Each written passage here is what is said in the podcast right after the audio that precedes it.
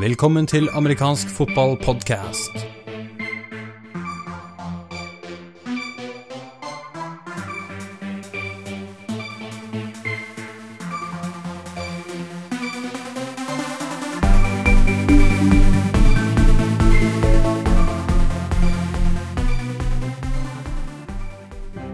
Velkommen til episode 14 av amerikansk fotballpodkast, som for øvrig er vår siste sending før sommeren 2016.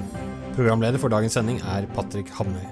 Mitt navn er Jarl Magnus Henriksen. Jeg er en av flere som er med i dagens sending. Vi har også med oss Leo Bilgen, som er en svensk ekspert som skal se nærmere på finalelagene sett utenfra.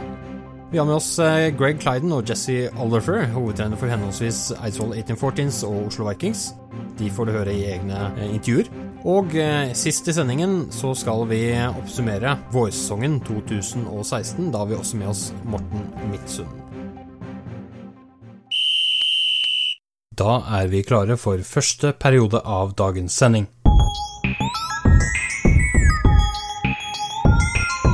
Og da ønsker vi velkommen til amerikansk fotballpodkast NM-finale spesial. I denne første sekvensen så har jeg med meg, som vanlig vil kanskje noen si, Jarle Magnus Henriksen. Hjertelig velkommen. Takk for det. Og i tillegg så har vi fått besøk av en vi hadde her i podkast nummer fem trener med lang erfaring fra svensk-amerikansk fotball, Leo Billgren. Velkommen til oss. Jättetack. Vi har uh, egentlig bedt deg uh, se litt på de lagene som nå skal møtes til, uh, til NM-finalen som skal spilles nå på lørdag i Fredrikstad. Det er altså da Oslo Viking som skal møte Eidsvoll 1814s. Hvis jeg nå først ber deg se litt på hva, hva syns du om nivået sånn generelt av de, av de kampene du har sett? Ja, för det första, jättekul att ni ställde frågan till mig att, att göra det här, med, komma med lite ögon utifrån och titta på lagen. Jag tycker det var väldigt, väldigt skoj att, att få chansen att göra det och eh, har sett en hel del av båda de här två lagen med, med helt fräscha ögon, för jag hade inte sett dem någonting tidigare på flera, flera år. Nivåmässigt, om jag ska svara på din fråga, tycker jag båda de här två lagen som är i final är bra. Jag tycker att de skulle ha goda chanser att eh, ta sig till slutspel till exempel i Superserien jag håller, utav de här två lagen så måste jag säga direkt att jag håller Vikings som favoriter. De tror jag, ja jag skulle nog säga att de skulle nog hamna topp tre i Superserien i min gissning. Så du kunne litt se for deg at Oslo Vikings, som de ser ut i år, hadde klart en solid tredjeplass i svensk superserie? Jag tycker det. Jag, nu vet inte jag hur mycket lyssnarna har koll på Superserien så det kanske inte säger någonting. Men Karlstad och Örebro har varit klart bäst i, i våran serie och därefter Uppsala och Tyresö en bit bakom. Men jag tror nog att eh, i en grundserie tror jag Vikings hade klarat eh, att komma före Tyresö och Uppsala faktiskt. Men det gir jo deg litt vann på mølla, Jarle Magnus. Du som har foreslått denne nordiske ligan under flere år. Hva ja. tenker du? Jeg tenker at det er litt feil tidspunkt for oss å begynne å snakke om det fra Norge. Fordi vi har egentlig tre lag som holder et ganske likt nivå. Og så har vi ett lag som ikke holder helt det nivået nå, og det er fire lag i vår toppserie. Så da Vi må ha en større bredde igjen, sånn som vi hadde for noen år siden, skal vi kunne argumentere for det. Men jeg tenker jo at det hadde vært spennende med noen mer kamper på tvers. Det hadde det absolutt. Men uh, hvis vi nå skal Hvis vi begynner da, Leo, med å ta for oss uh, lag for lag Nå har du jo nevnt uh, Oslo, Oslo, Vikings først, og du har brukt litt tid å se på, på, på film av de. Inntrykk av laget sånn totalt sett, hva tenker du der? Men jag tycker att de känns väldigt solida. Jag ser inga liksom stora svagheter någonstans, att, att någon position sticker ut negativt. De känns, som ett eh, väldigt kompetent lag som, eh, som klarar av alla faser av spelet. Jag tycker, om jag ska väga för och emot eller vad man ska säga, så tycker jag att deras defense är snäppet bättre än deras offense. Tycker att de, eh, de känns väldigt, väldigt säkra. Bra mot run kommer med sin trefront där och, och skickar lite, lite folk från utsidan. Så sätter rätt bra pressure på quarterbacken också tycker jag. Så att framfor framförallt Oslos defense tycker jag känns som den starkaste lagenheten faktiskt. Og Jarle Magnus, Vikings i defense har jo også fått litt tilskudd nå. De har jo bl.a. fått tilbake Alexander Andrik fra college i USA. Hvor stort utslag ser du for deg at han kommer til å gjøre i kampen mot Eidsvoll?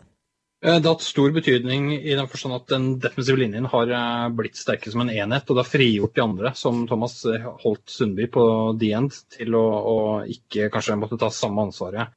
totalt sett. Han kan fokusere mer på pass rush og sånne ting. og det, Der tror jeg han Andric er veldig bra. Det er en grunn til at han var med på University of Houston. Absolutt. Hvis du skal mm, plukke ut noen, noen enkeltspillere, da, Leo, fra, fra, Oslo Vikings, som har poppet opp på, på film, er det noen, noen navn du, du, du vil nevne for oss? Ja, det må jeg vel väl ändå säga. At, att uh, det, fins flere spillere. På defense så er det vel kanskje mer utav en enhet. Det, det, er ganske svårt att peka ut en spelare där som, som verkligen så sticker ut utav det jag har sett. Det finns det säkert, men jag har inte riktigt, eh, jag har inte riktigt kunnat kanske peka ut någon där. Offensivt däremot så är det den här Eric Ford som jag tycker, nummer fem va? Är det så? Mm, ja.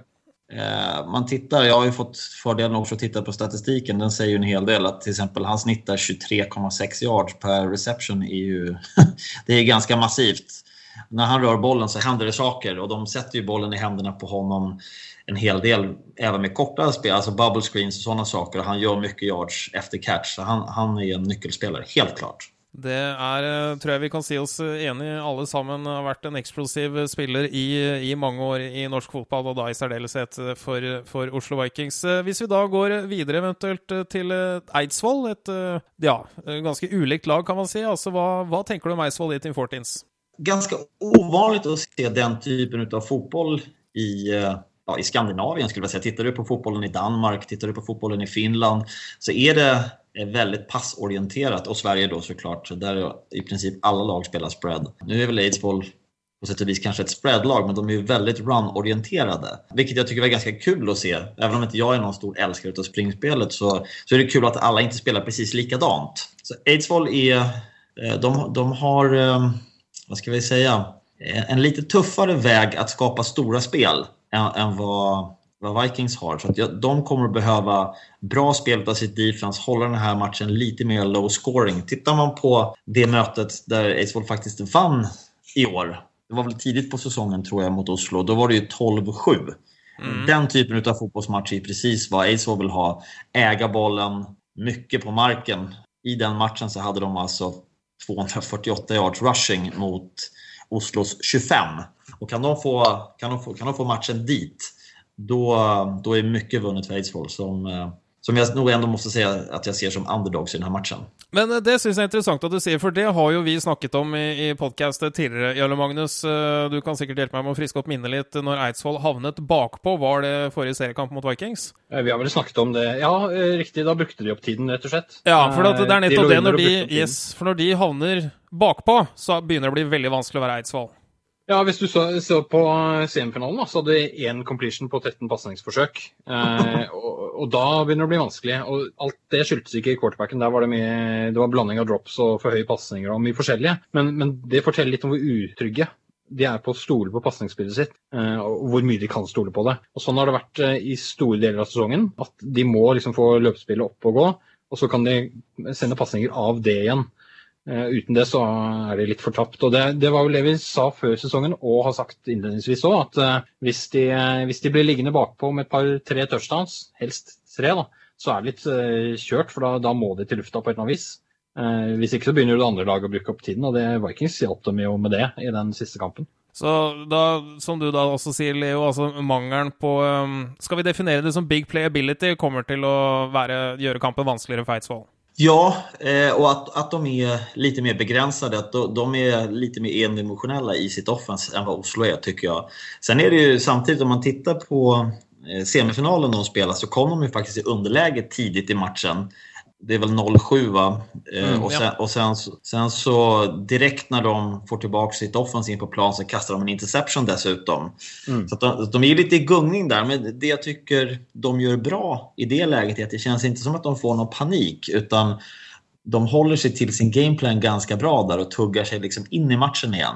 Och, och lyckas ju uppenbarligen då också vinna den semifinalen även om det var väldigt, väldigt tight. Så att det, det tror jag är en jättestor nyckel för Eidsvoll att inte om det skulle bli en touchdown eller till och med två i underläge, att inte börja gå bort från sin gameplan utan vara jäkligt tålmodiga. I alla fall de första två och en halv, tre quarters. Annars, annars tror jag att de spelar inte till sina styrkor alls. Du nevnte noen, en enkeltspiller hos, hos Vikings. Er det noen hos Eidsvoll som har um, poppet opp på, på skjermen når du har gått gjennom gamefilm? Ja, det måste man säga. Eller, det, är, det är en hel liten eh, grupp om man tittar på statistiken rushingmässigt i ligan så är det ju faktiskt tre stycken Aceball-spelare som är först. Det säger ju en hel del om deras deras running game. Men han, Riley Bowen där, som jag förstått är en import då, men han har ju ett strålande snitt på 8,5 per carry. Det, det tror jeg kanskje ikke han kommer å ha i en final mot et så bra defense som Oslo er. Men, men han er definitivt en workhorse som jeg tycker stikker ut en hel del. Seks TDs også på sesongen, det er starkt. Ja, da Riley har vært eh, knallsterk for, eh, for Eidsvoll i hele året. Det har han vært i, i flere år også, så han har absolutt en, en profil å, å, å, se nærmere på under, eh, under finalen. Eh, Leo, hvis vi skal forsøke å bevege oss litt videre mot eh, eventuelle matchups, da. Altså hvor kommer kampen til å bli vunnet, hvor kommer kampen til å bli tapt, eventuelt? Hva, hva vil du ta for deg der? Aidsvolls offense är nyckeln för att det här ska bli en spännande och bra kamp som kan, kan gå åt båda hållen. Jag tror framför allt att man måste äga line of scrimmage. Jag tycker inte i den sista mötet lagen emellan i grundserien att Eidsvolls O-line riktigt hanterade det på ett bra sätt. Plus att Eidsvoll hade väldigt många negativa spel i sitt running game när man försökte springa på utsidan. Eh, lite sådana här inverted veer-varianter och grejer. Då, var det flera gånger som det var minus 6-7 yards. Och andra och 16 är ju inte riktigt den typen av down som, ja, inga gillar ju det, men framförallt inte ett offense som Aidsvoll. Så att hantera line of scrimmage, ha en bra match utav sin o-line och att quarterbacken gör bra reads, så att han inte ger när han har ett keep read och så vidare. För då, då blir det stökigt att hamna i, i långa downs. Ja, for det virker det at han hadde litt problemer med sist kamp mot Vikings. Var det, var det defensen til Vikings som bevisst gjorde readsen vanskelig, eller var det bare dårlige reads? Svårt att säga, för man vet ju inte exakt vad kuben är lärd att göra i, i olika situationer. Men ofta är det ju så att man är van, jag tror väl i och för sig att de har scoutat på ett professionellt och bra sätt, men eh, Oslos försvar är väldigt aggressivt och spelar som en trefront som ger lite knepigare reads än en fyrafront, tycker jag i alla fall. Så att eh, det kanske har varit en del av faktorn. Eh, för jag tycker inte att det såg riktigt stabilt ut. Insidan helt okej, okay, eh, även om Oslo spelade bra assignment-fotboll och satt hemma på spel som försökte slå tillbaka counteraktiga saker och sådär. Men... Ja, takk for det, Leo. Jarle Magnus, hvis vi skal se litt på matchups fra, fra ditt ståsted, hva, hva ser du der? Jeg tror også det er viktig Nå, nå snakket vi en del om Eidsvoll sitt offens. Hvis vi ser på Vikings sitt offens, da, så har de en quarterback som har gode receivere å kaste til, og de har en offensiv linje som fungerer nå. Det gjorde ikke det helt i begynnelsen av sesongen, men det har kommet seg voldsomt. De er nødt til å sette press på Dustin Hawker Willingham på quarterback. Det er når han får bli stressa, det er da det slutter å fungere optimalt. Og hvis de ikke greier å få gjort det, så tror jeg det er kjørt. Og så tror jeg også man Leo nevnte tidligere dette med bubble screens den typen spill til Eric Ford. Hvis det er én man skal dekke ekstra opp, så er det han på den typen spill, sånn at man får satt press, sånn at quarterbacken ikke kan kaste kjapt til en annen fyr som er åpen, og ikke gir han tid fordi du har satt press, ikke sant? sånn at han ikke finner de receiverne som er nedover banen. Det tror jeg er veldig viktig. Ja, for det syns jeg ble fra mitt ståsted veldig, veldig tydelig hvordan Eidsvoll spilte mot Bulls kontra hvordan de spilte mot Vikings. Da tenker jeg på siste møte i, i grunnserien. Altså, jeg jeg syns Eidsvoll var i vesentlig større grad aggressive mot Bulls uh, enn de var mot Vikings, hvor de ble litt mer tilbakeholdne, holdt sonene sine og sendte ikke like mye press som det de, det de gjorde mot, uh, mot, uh, mot Bulls. var det en observasjon du gjorde, Leo, eller er jeg alene om den? Nej, men jag tycker, du, jag tycker du har helt rätt där. Eh, måste dock säga att om man tittar på den, den omvända matchupen, alltså eh, Oslos offense mot Eidsvolls defense så tycker jag inte att Oslos eh, O-line riktigt imponerar. De, eh, framförallt i running gamet så tycker jag att, att de är sisådär, inte mer än så. Jag, mm. tror att, jag tror att Eidsvoll ska verkligen försöka liksom, vinna liner scrimmage och då menar jag hela vägen ut till sidlinjen. Ta bort just som, eh, som vi sa här, bu bubble screens och sådana saker. Utan att spela ganska nära liner scrimmage med mycket folk. För att då har Oslo lite tufft, tycker jag det ser ut som, i sitt running game. Och så tar man bort de här enkla spelen på utsidan. Eh, det kanske är lite, lite gamble, men jag tror att det är rätt väg att gå. Vi kan ju också konstatera att eh, Oslos QB han har en tendens att slänga en del interceptions och då är det trevligt att sätta pressure på honom. Han kastar sju picks på året på, på sex matcher. Det tycker jag ändå är lite högt för ett lag som är så pass dominant. Det tror jag är helt enig men uh, Jarle Magnus kom ikke brorparten av de i starten av säsongen? Jo, det har endret seg ganske markant. Men det handler også litt om at de har Er Åløyen perfekt? Nei, det er den ikke. Men det er mye bedre enn det var i begynnelsen av året. Eh, Ja. Sånn at de har fått mer tid og anledninger til å gjøre ting utover. Og da har han også fått roen eh, og vist eh, høy klasse kontra det vi så innledningsvis. Og f.eks. i de årene han har vært i, i Domers hvor han kanskje ikke har hatt samme mulighetene hele tiden. Så spennende. Jeg, jeg er mest spent på her, det er jo Riley Bowen som var, ble skadet i forrige kamp, som de spilte mot Vikings. Og var ute i semifinalen. Eller hvis han spilte noen få spill, men kun som en sånn decoy, så har, i praksis så spilte han ikke den kampen. Det må man kunne si. Nei, jeg tänkte Um, på det også, faktisk. At han var väldigt osynlig. Ja, Ja, han det- var ikke det er der. han, han- var inne på offense på første drive, tror jeg det var. Og ah, så så han på sidelinjen ellers. Eh, men, men det som er verdt å merke seg, da, at han har jo hatt noen store eksplosive spill mot bl.a. Vikings, eh, som vant kampen deres eh, første gang. Hadde da 138 yards og et snitt på 7,2.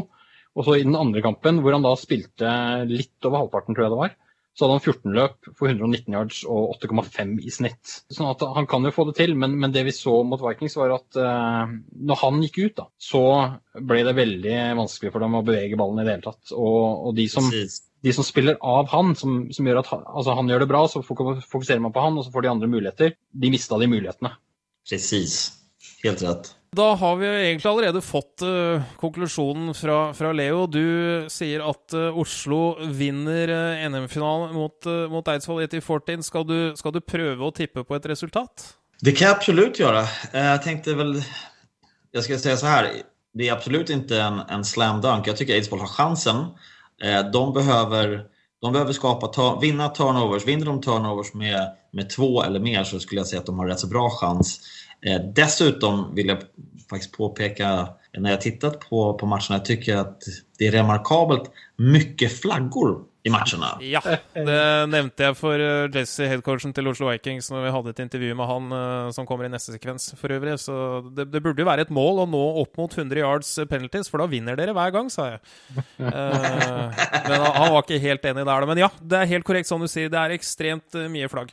Det er det. Men bare for å nevne én ting med det. Eh, hvis vi ser på de to siste kampene som Eidsvoll har spilt, og det er da semifinalen, og så er det kampen de hadde mot Vikings, hvor de riktignok tapte. Men eh, i den kampen så hadde de kun, og da sier jeg kun, for det er på det nivået vi har sett i Eliteserien i år, så er det kun. Så hadde de kun seks flagg for 26 yards, og mm. mot Lura i semifinalen så hadde de tre for 30. Og Det får stor betydning når motstanderlaget har henholdsvis 12 på 82 og 17 på 140. Ja, absolutt. ja. ja. 17 er jo helt galet. Ja, da har du vunnet, vunnet NM i flagg, tror jeg. Ja, men det er bra. Ja, det er det som er flaggfotball, just det. Nei da. Men uh, Jarle Magnus, skal du, eh, skal du prøve å tippe en, eh, en vinner og eventuelt eh, sluttresultat? Ja, da tipper jeg på Vikings og at de vinner eh, 28-14.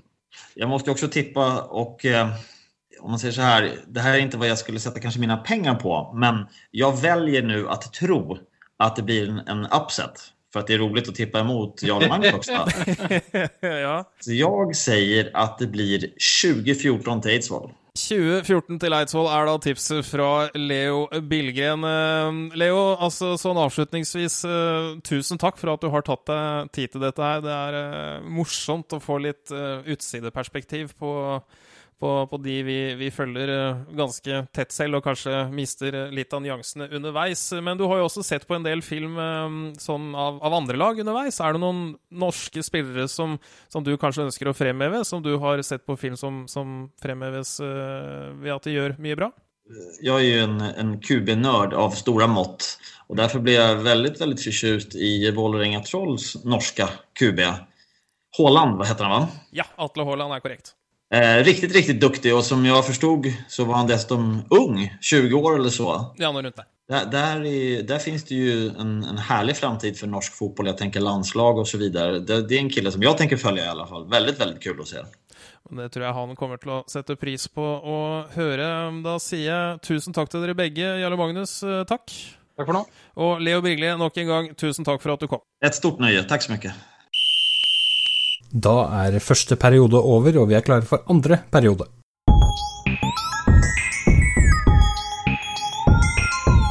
Og da har vi fått besøk av hovedtrener for eh, Oslo Vikings, Mr. Jesse Alder. Welcome, coach.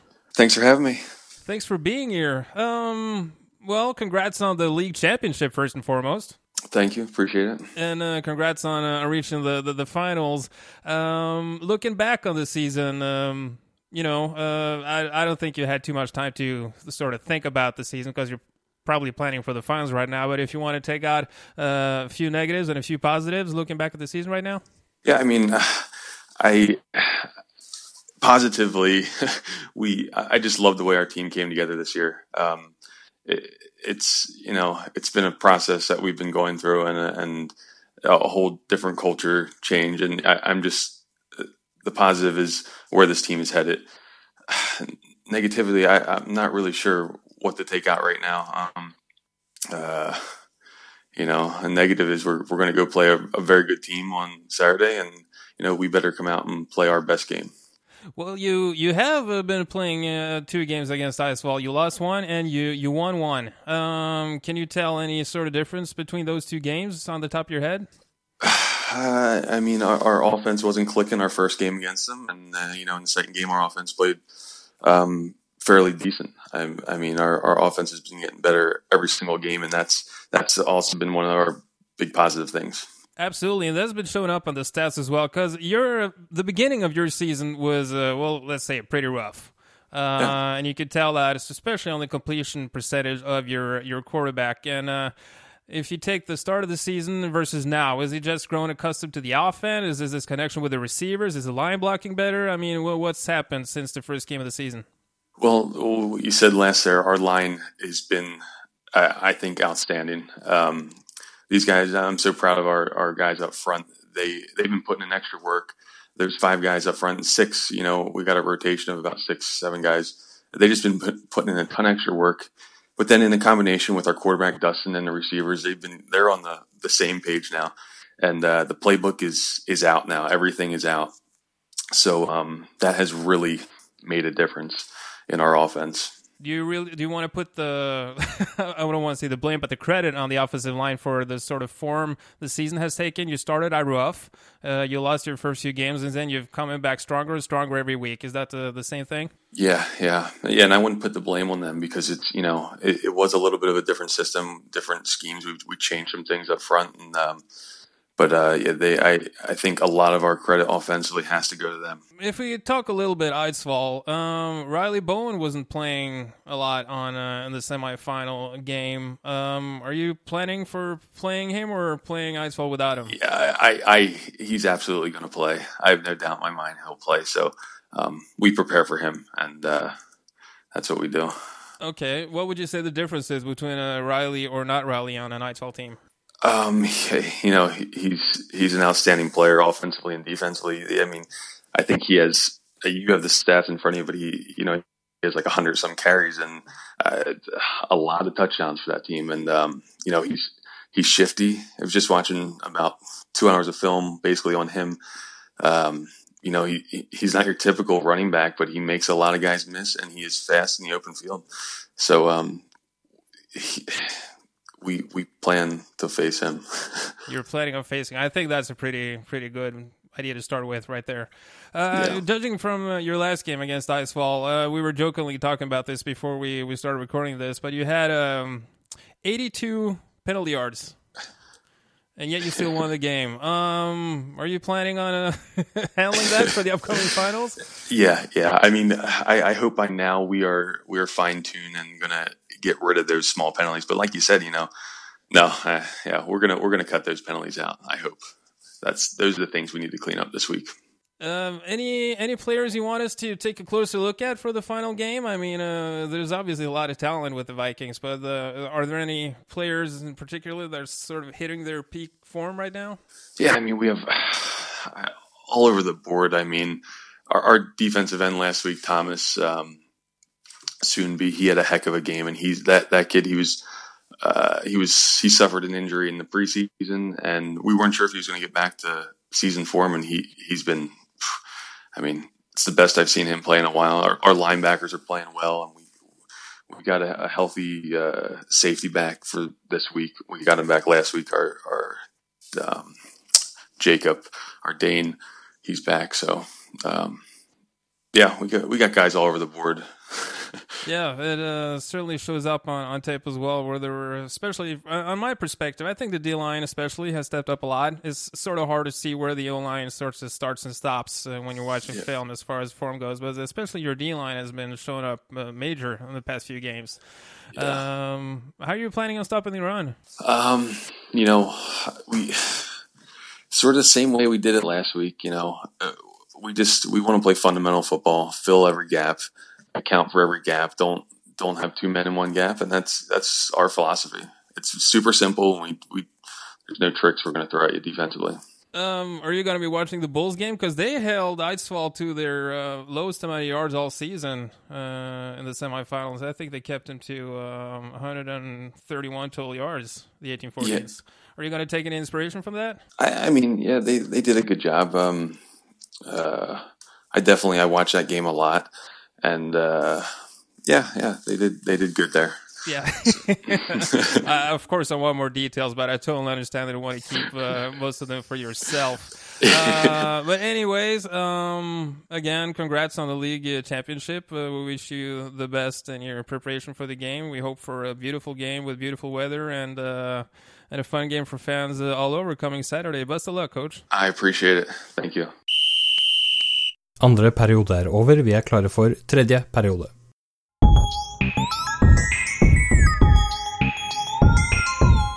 Og da ønsker vi nok en gang velkommen til hovedtrener Eidsvoll 8014s Greg Klein. Welcome. Thank you very much. Happy to be here again. Again, yes. It's been a it's been a happy weekend. It's been a congrats on the under 17 Norwegian champions, by the way.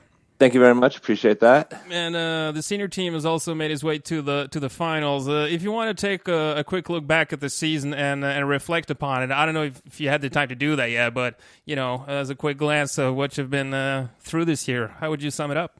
Uh, the season has been uh, the season's been great for us. Actually, it's you know it's been my first season as a head coach, so there's been, of course, a, a big learning curve along the whole entire way.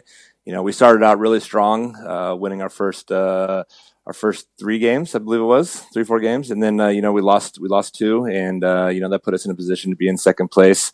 So you know I haven't taken too much time to reflect on it, but it's been uh, you know it's been a steady year of progression. You know a lot of guys learning things about themselves, me learning things about myself, and you know just trying to put this thing as a as a whole you said it was the first year uh, coaching uh, as a head coach, that is, and we talked about that before the season as well. Are there yeah. any um, sort of experiences that you've done or you made? You've probably done a lot of them, but you you thought you react differently than you did in real time? No, I think I've uh, reacted well to, to, being a head coach. It's it's uh, it was definitely as much time as I thought it was going to be when it comes to commitment and needing to have things prepared for the guys. And uh, you know, especially coaching two teams at one time, it's you know, I think my guys have uh, had a couple good laughs by me mixing the playbook between my U17 team and the senior team. So, uh, or calling guys by by different names. So it's uh, so that's been a, a, pretty fun thing. But that's just uh, adds to it. But it's uh, you know it's been a lot uh, to digest, and you know I feel like I've uh, I've grown a lot, and my team has grown a lot with me, and uh, you know trusting one another and just coming together as a group. You know I've been around this team for a lot of years, but now to be the the head coach, it's been something that's been extremely special. So you know it's uh, it's been positive, and to be here in the championship game, it's uh, you know it's it, it's every goal that we had uh, had hoped for. You mentioned uh, the season has, has, been going a little bit back and forth. You started out really strong, and then you know lost a couple, and then uh, you won a couple, and you made it to the semifinals. You played the Bulls uh, this uh, Saturday. Um, And it, it, was a pretty tight game. Uh, I don't know if you've seen the stats for it, but yeah, has had the probably the most dominating offense uh, this year, stats wise. But yet on uh, the the semifinals, he only had 131 yards as opposed to the Bulls 244 yards. Do you have any thoughts on that? Yeah, it was. Uh, thank God we have a really strong defense, and that we uh, won the special teams game. that's what I was. Uh, you know, that's why it's a team sport. You know, we definitely did didn't produce offensively the way that we have been throughout the entire year. And uh, you know, it was uh, it was definitely a downer to, to, not be able to support our defense the way that they were keeping us in in the game. You know, so we were you know we kept trying to dig deep, trying to f- figure out a solution to, to get points on the board. And then luckily, you know, we uh, we got a big I think it was a punt return that got us down to the you know within the the red zone, and we were able to punch in our first score. And then we got uh, an interception that got us in field goal range right before halftime to get a few uh, three points there, and then we got a safety. And then luckily on that last drive that we had on offense, we were finally able to, to click and get everything correct that we needed to, to do. And you know, sometimes that's all you need. So uh, we needed two touchdowns and uh, a field goal this game, and then uh, you know our defense did the rest. So it was definitely a, a team effort, and I'm so happy that uh, our defense stepped up the way that they did. And you know they've been doing that the entire year. You know they're the number one defense for a reason, and uh, they definitely uh, they proved it on Saturday. Uh, I think uh, for for the for the audience, uh, they might have noticed that Riley Bowen wasn't playing, uh, or at least uh, very few plays uh, in the semifinals. any any injuries we should know about here, or just keeping him no, off keeping it fresh? Uh, no, we weren't trying to keep him fresh because we uh, obviously we uh, you know Riley's our import player, so and uh, he's a huge part of our our team success. But he's also our defensive coordinator, so you know he's the one who gets all the praise for everything we've been doing there. And uh, you know he, he hurt his shoulder a little bit uh, earlier on in the year, and or against the the Vikings last time. So you know it just wasn't a fully 100 percent for this game, and we didn't want to take any chances just in case we made it to the championship. So but now everything thing looks pretty good. So you know we're looking to looking forward to getting him back on the field for for this weekend. So Riley Bowen is ready to go for the finals. I sure hope so. It looks like that. so and you also got to talk about players. You also got uh, Jonas Hauge back from the back from the states. Uh, one touchdown, uh, received the ball nine times. Do you see him taking a bigger role in the finals? Uh, yeah, definitely. Jonas, uh, you know, that first week when he came back, that was uh, against the Vikings, and you know he he got back that week, so we didn't really have much uh, in place for him then. And uh, this last game now, he really stepped up. He did a great job blocking, and when he ran the ball, you know, he ran it tough and hard, and you know, doing exactly what we had envisioned him to do once he came back from the states. So it's uh, he, will definitely be a big part of our of our plan for this week, and you know, we're excited to have him uh, just rounding off that skill position uh, backfield that we have. I wanted again about the semifinals because you seem to have complete control of the the quarterback. You had seven sacks on uh, uh, I don't know if it's Smith or Peoples. Uh, and uh, how was it to face Peoples at quarterback versus a receiver? Uh, well, obviously having him as a quarterback, uh, you know, it's a, it's a double threat right there. You know, he can he can throw the ball far. He has really good vision. He he stands in the pocket and delivers it. So he, he's definitely scary for us uh, when he was back there at quarterback because we know he can do he can do so much uh, as a receiver. You know, obviously once he gets the ball in his hands, he's he's tough to to get down. Uh, but uh, we were we were happier when he was on the receiving side of things, and then you know right when we we knocked the quarterback out, I think it was the first play of the game. He came in, and then two plays later, he, he scored the long touchdown as a quarterback. So, you know, we were um, you know lucky the other guy came back in at QB and then finished off the first half that way. But then they made the shift in the second half, and you know he's he's tough, man. He's he, he's so quick, and then the second he he takes off, he's hard to hard to tackle. Yeah, but you managed. So uh, yet again, uh, you you won. Last question about the, the semis. Uh, you lost uh, Jurgen Alnes for the for the finals. Is that a big loss? That's a big loss. You know, he's a he's a defensive captain. Uh, you know, he's been one of our, our anchors the, the, entire season, and that is a huge loss for us. Missing him for for the championship game, and you know, just makes it where you know other guys have to step up though. So I know he really likes facing the Vikings, and he's always been you know the last few years against the Vikings having some of his best games. So it's uh, it's definitely a loss there, but you know, next man up. That's kind of the way that we have to have to approach it now. Uh, and talking about the, the Vikings, Rob, we're obviously in full uh, preparation mode right now. It's been a back and forth this season. You have uh, one one game each and lost one game each. yeah. Um, what, what, are you preparing for, specific wise, if we can ask? Uh, I'm preparing for a, a, tough physical game you know they uh, their defense has gotten steadily better throughout the throughout the season, and same with their offense. You know their offense is clicking now; they're finding out what works for them. So it's uh, you know every time we play them, it's always a, a tough, even game. You know they're they're fired up, we're fired up, and you know add the championship on top of it. Now it's one of those things where it's going to be uh, high energy, high explosive, and, and I think it's just going to be a really fun atmosphere for for everybody who comes out to to watch the game. But yeah, offensively, we're definitely looking for a you know, another big, strong physical game from their defense. Uh, yeah, hopefully, as you say, will be uh, turn out to be a, a great game uh, at a at a new venue in in Fredrikstad. Have you been there? I have not been there, so you know, I have you know it's going to be fresh eyes the, the, second we get there to right before warm up. So uh, you know I have no no clue how the whole layout is there, but you know I'm excited for us to to play this game in a new place and see how uh, you know bring bring the game to, to. Yeah, and uh, hopefully for a great game with great atmosphere and uh, not the least good weather. Anyway, coach, uh, best of luck to you. thanks for all the talks we've had this season. I promise I won't bother you for you know at least a month. and yeah, we'll talk later. Sounds good. Thanks so much. Appreciate it. Tredje periode er over, vi er klare for fjerde og siste periode.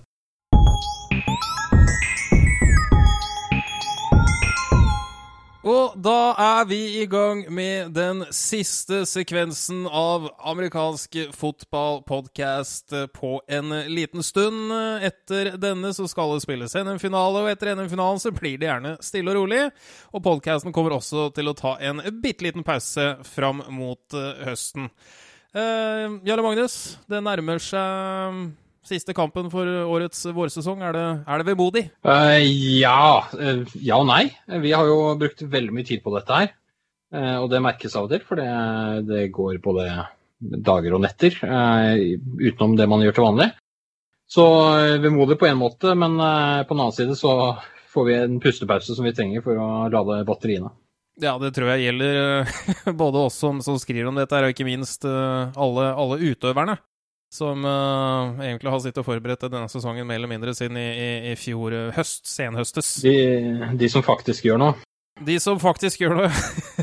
Godt formulert. Uh, vi hadde noen, noen, spådommer, vi, i forkant av, av vårsesongen. Ja. Der vi tok for oss hvordan vi så for oss at eh, Eliteserien kom til å se ut til slutten av sesongen. Førstedivisjon, annendivisjon, og også hvem vi da trodde skulle bli eh, i særdeleshet norgesmester da for, for 2016. Og eh, er du synsk? Ikke på andredivisjon. Ikke på andredivisjon, men uh, det her var jo helt on point når du kom til, uh, til Eliteserien. Uh, og da spør jeg igjen, er du synsk? Nesten. Nesten, ja, men det, da, da forklarer det mye. Vi, vi, bommer eh, litt på enkelte resultater og sånn, og så bommer vi på, uh, på litt på tap, antall tap og seire, men vi treffer jo på rekkefølgen og en del sånne ting. Og så gjenstår jo NM-finalen, da, så vi vet ikke om vi treffer der òg. Det, det, er riktig. Men for de da som lurer på hva i alle dager jeg snakker om, så hadde da redaksjonen i uh, omfotball.com gått sammen og um, uh, si, stemt over hvordan vi så for oss at Eliteserien kom til å se ut, hvordan førstedivisjon kom til å se ut, og hvordan annendivisjon kom til å se ut etter endte sesong. Og da, hvis vi nok en gang holder oss på Eliteserien, så stemte det på en prikk. Vi så for oss eh, at uh, Oslo Vikings kom til å uh, vinne hele serien, hvilket de gjorde.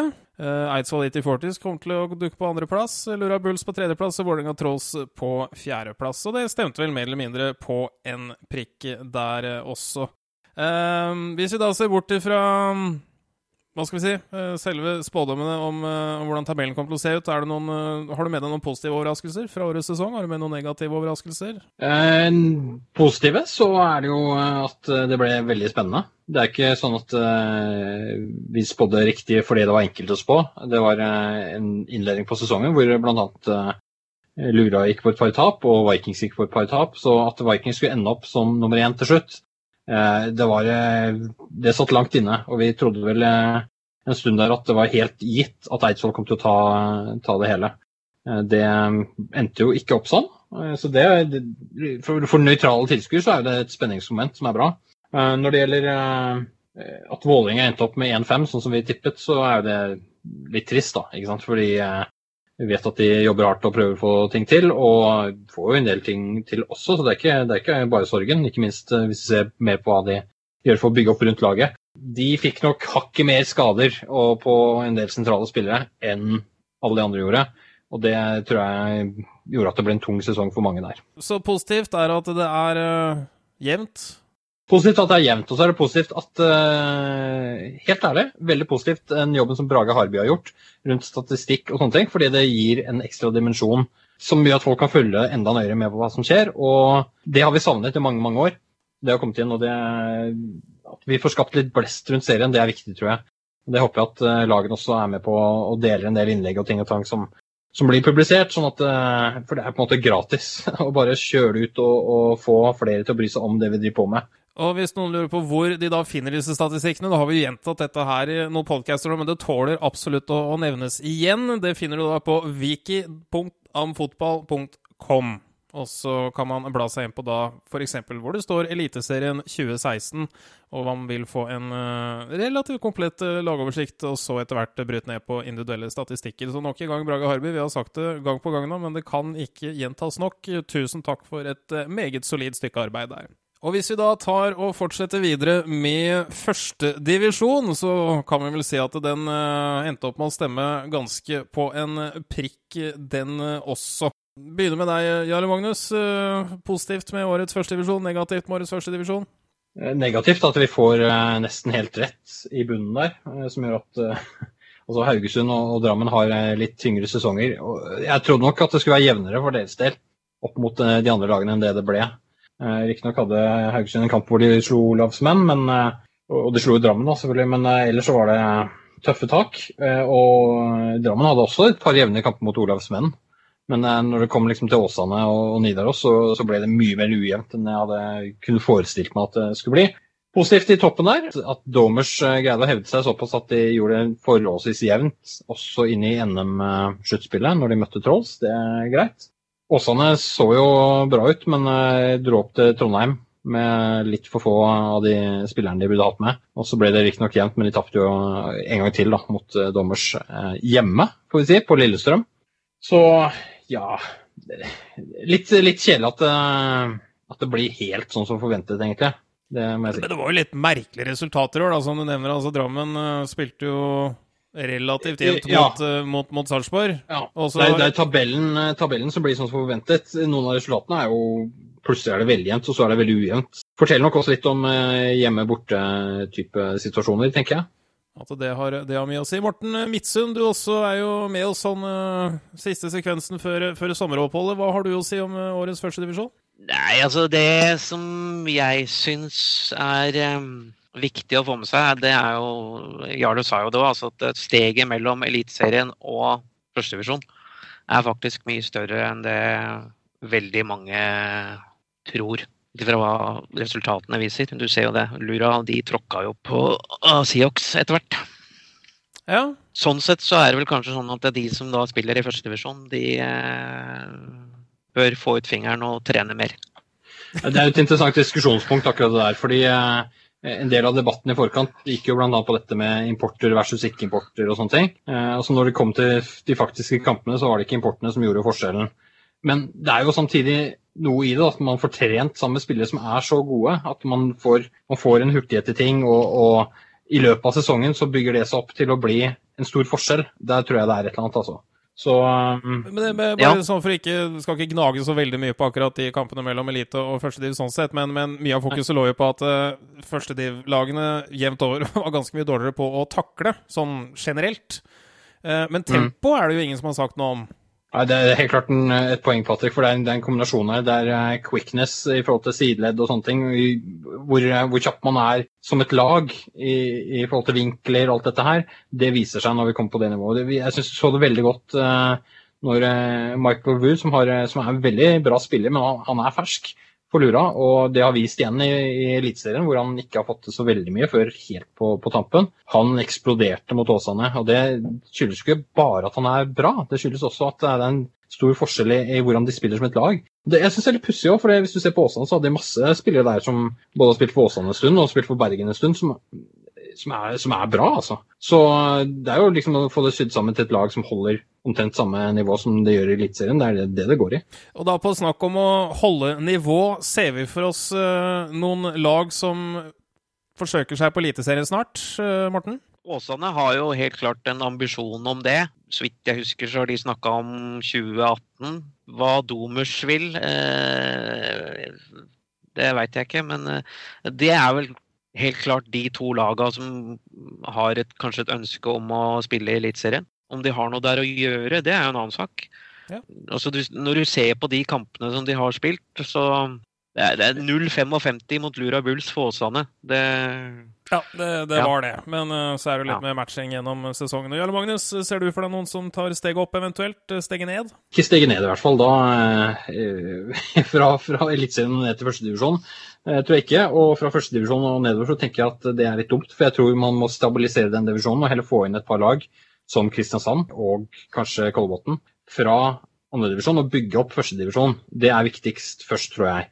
Og så tenkte jeg, tenker jeg at de kvartfinalene som ble spilt i år, ga litt sånn skudd for baugen i forhold til at det er lag som skal rykke opp sånn umiddelbart. Jeg tror det er fordel at det er to lag som rykker opp samtidig. Eh, i tilfelle ikke var rett. Og da er det jo Domers og, og Siok som er de prime suspects akkurat nå. Men jeg tror nok eh, det kan være en idé at de heller holder seg i førstedivisjon, at den blir bygd opp. Og så får vi heller tåle at Eliteserien går i en sesong til med, med, kun fire lag, som er kjipt, ja. Men, men det, dette handler om å ja, Kjipt er jo for så vidt én ting, men, men, forutsigbarhet også betyr jo litt, da. Uh, så... Ja, hvis det kommer, kommer noen lag opp og krasjer, så har ikke det noe for seg. Så det er nok bedre å vente et år der. Ja. Det, det, er jo, det, er jo, akkurat der det ligger. Altså, altså Du ser resultatet mellom Åsane og Lura. Så ser du at de har helt klart ingenting i, i uh, Eliteserien å gjøre. Ikke ennå, i hvert fall. Nei, nei, ikke enda. Men, men altså, at de har ambisjoner om det, og at de greier det, ja, for all del. Jeg, det har jeg tro på. Men et par år til, i hvert fall. Ja. Vi gleder oss i hvert fall. Vi gleder oss for at, at, det skal være lag fra Trondheim og Bergen eh, som er i Eliteserien. Det tror jeg er viktig over tid for, ja. for, at det er en god nasjonal eh, serie. Absolutt, og ettersom Jarle Magnus nå nevnte Kristiansand for fire og et halvt minutt siden, så ble det da en totalt usmidig overgang videre inn i annendivisjon. Uh, og den eh, ble jo litt vanskeligere å kåre. Uh, Kristiansand hadde, de hadde vi på topp uh, før sesongen, og de endte jo også på topp når sesongen var, var, ferdig. Men så har det vært uh, noen skuffelser og noen overraskelser. Andrelagene til Vikings og Trolls, som vi spådde på plass nummer to og tre, endte opp uh, ja, midt, midtveis i tabellen begge lag. Og så er det noen, noen, av lagene som har gjort det bedre enn det vi hadde forventa. Kolbotn Hunters uh, gjorde det sterkt og avslutta på en solid andreplass. Og så tror jeg overraskelsen for de fleste av oss Tønsberg Raiders på en meget solid tredjeplass etter å da ha gått på et uh, overraskende tap mot uh, Gjøvik nest siste kamp, og et ikke fullt så overraskende tap mot Kristiansand. Morten, hvordan syns du Tønsberg har sett ut i år? Det skulle vært interessant å sette Tønsberg spille mot Hunters. Det tror jeg kunne blitt et rabalder av en kamp. Overraskende at de tapte mot Swans, for jeg syns Tønsberg har vært bra. Og de har vunnet med store sifre, liksom. Og jeg, nå har jeg da greid å få sett den kampen. Så her er et lite tips til Tønsberg. Redstone practice, det bør dem gjøre. Eh, det var eh, ja. Det er vel noen av ulempene med å ha en såpass eksplosiv offense også. Når alle spillene går over 30 yards, er ikke det noe man trenger å øve så fryktelig, fryktelig mye på. Uh, Nei, men det var jo det som var ja. Absolutt. Uh, Jarle Magnus, ser du for deg noen lag som tar steget opp i førstedivisjon nå? Ja, det gjør jeg. Det er eh, Kristiansand som eh, helt klart bør få muligheten til det. Og så er det Kolbotn som jeg syns Det er ikke noen grunn til at ikke de skal spille mot Haugesund og Drammen i hvert fall. Det er helt, helt sikkert. Tønsberg er litt mer usikker, og det skyldes bl.a. at jeg har ikke fått sett veldig mye på dem i løpet av sesongen, så jeg vet ikke så mye om dem som jeg burde gjort eh, for å uttale meg om det. Nei, men jeg kan være litt enig med det der. altså Det har løsna, veldig for, eh, for Vestfoldklubben eh, nå i år, men så er det det å kunne se det litt over tid. Før man, før man eventuelt gaper over for, for, mye. Så det gleder vi oss til å se. Avslutningsvis, Jarle Magnus, oppsummere vårsesongen 2016 med ett ord.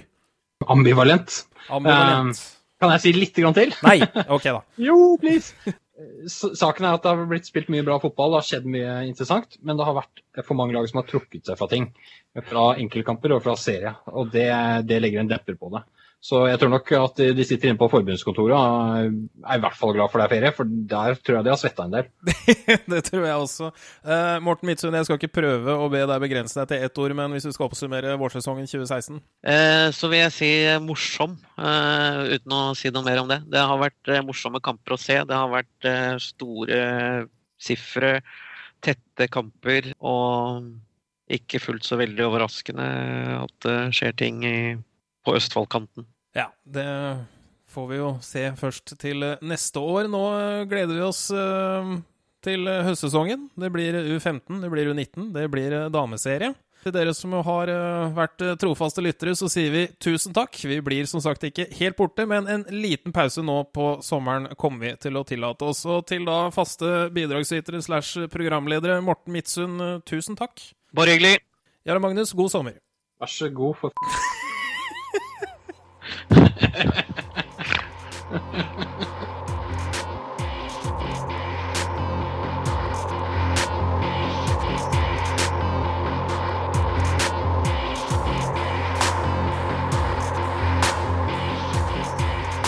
Amerikansk fotballpodkast er over for i dag. Vi takker for følget. Følg gjerne med på amfotball.com, så høres vi snart.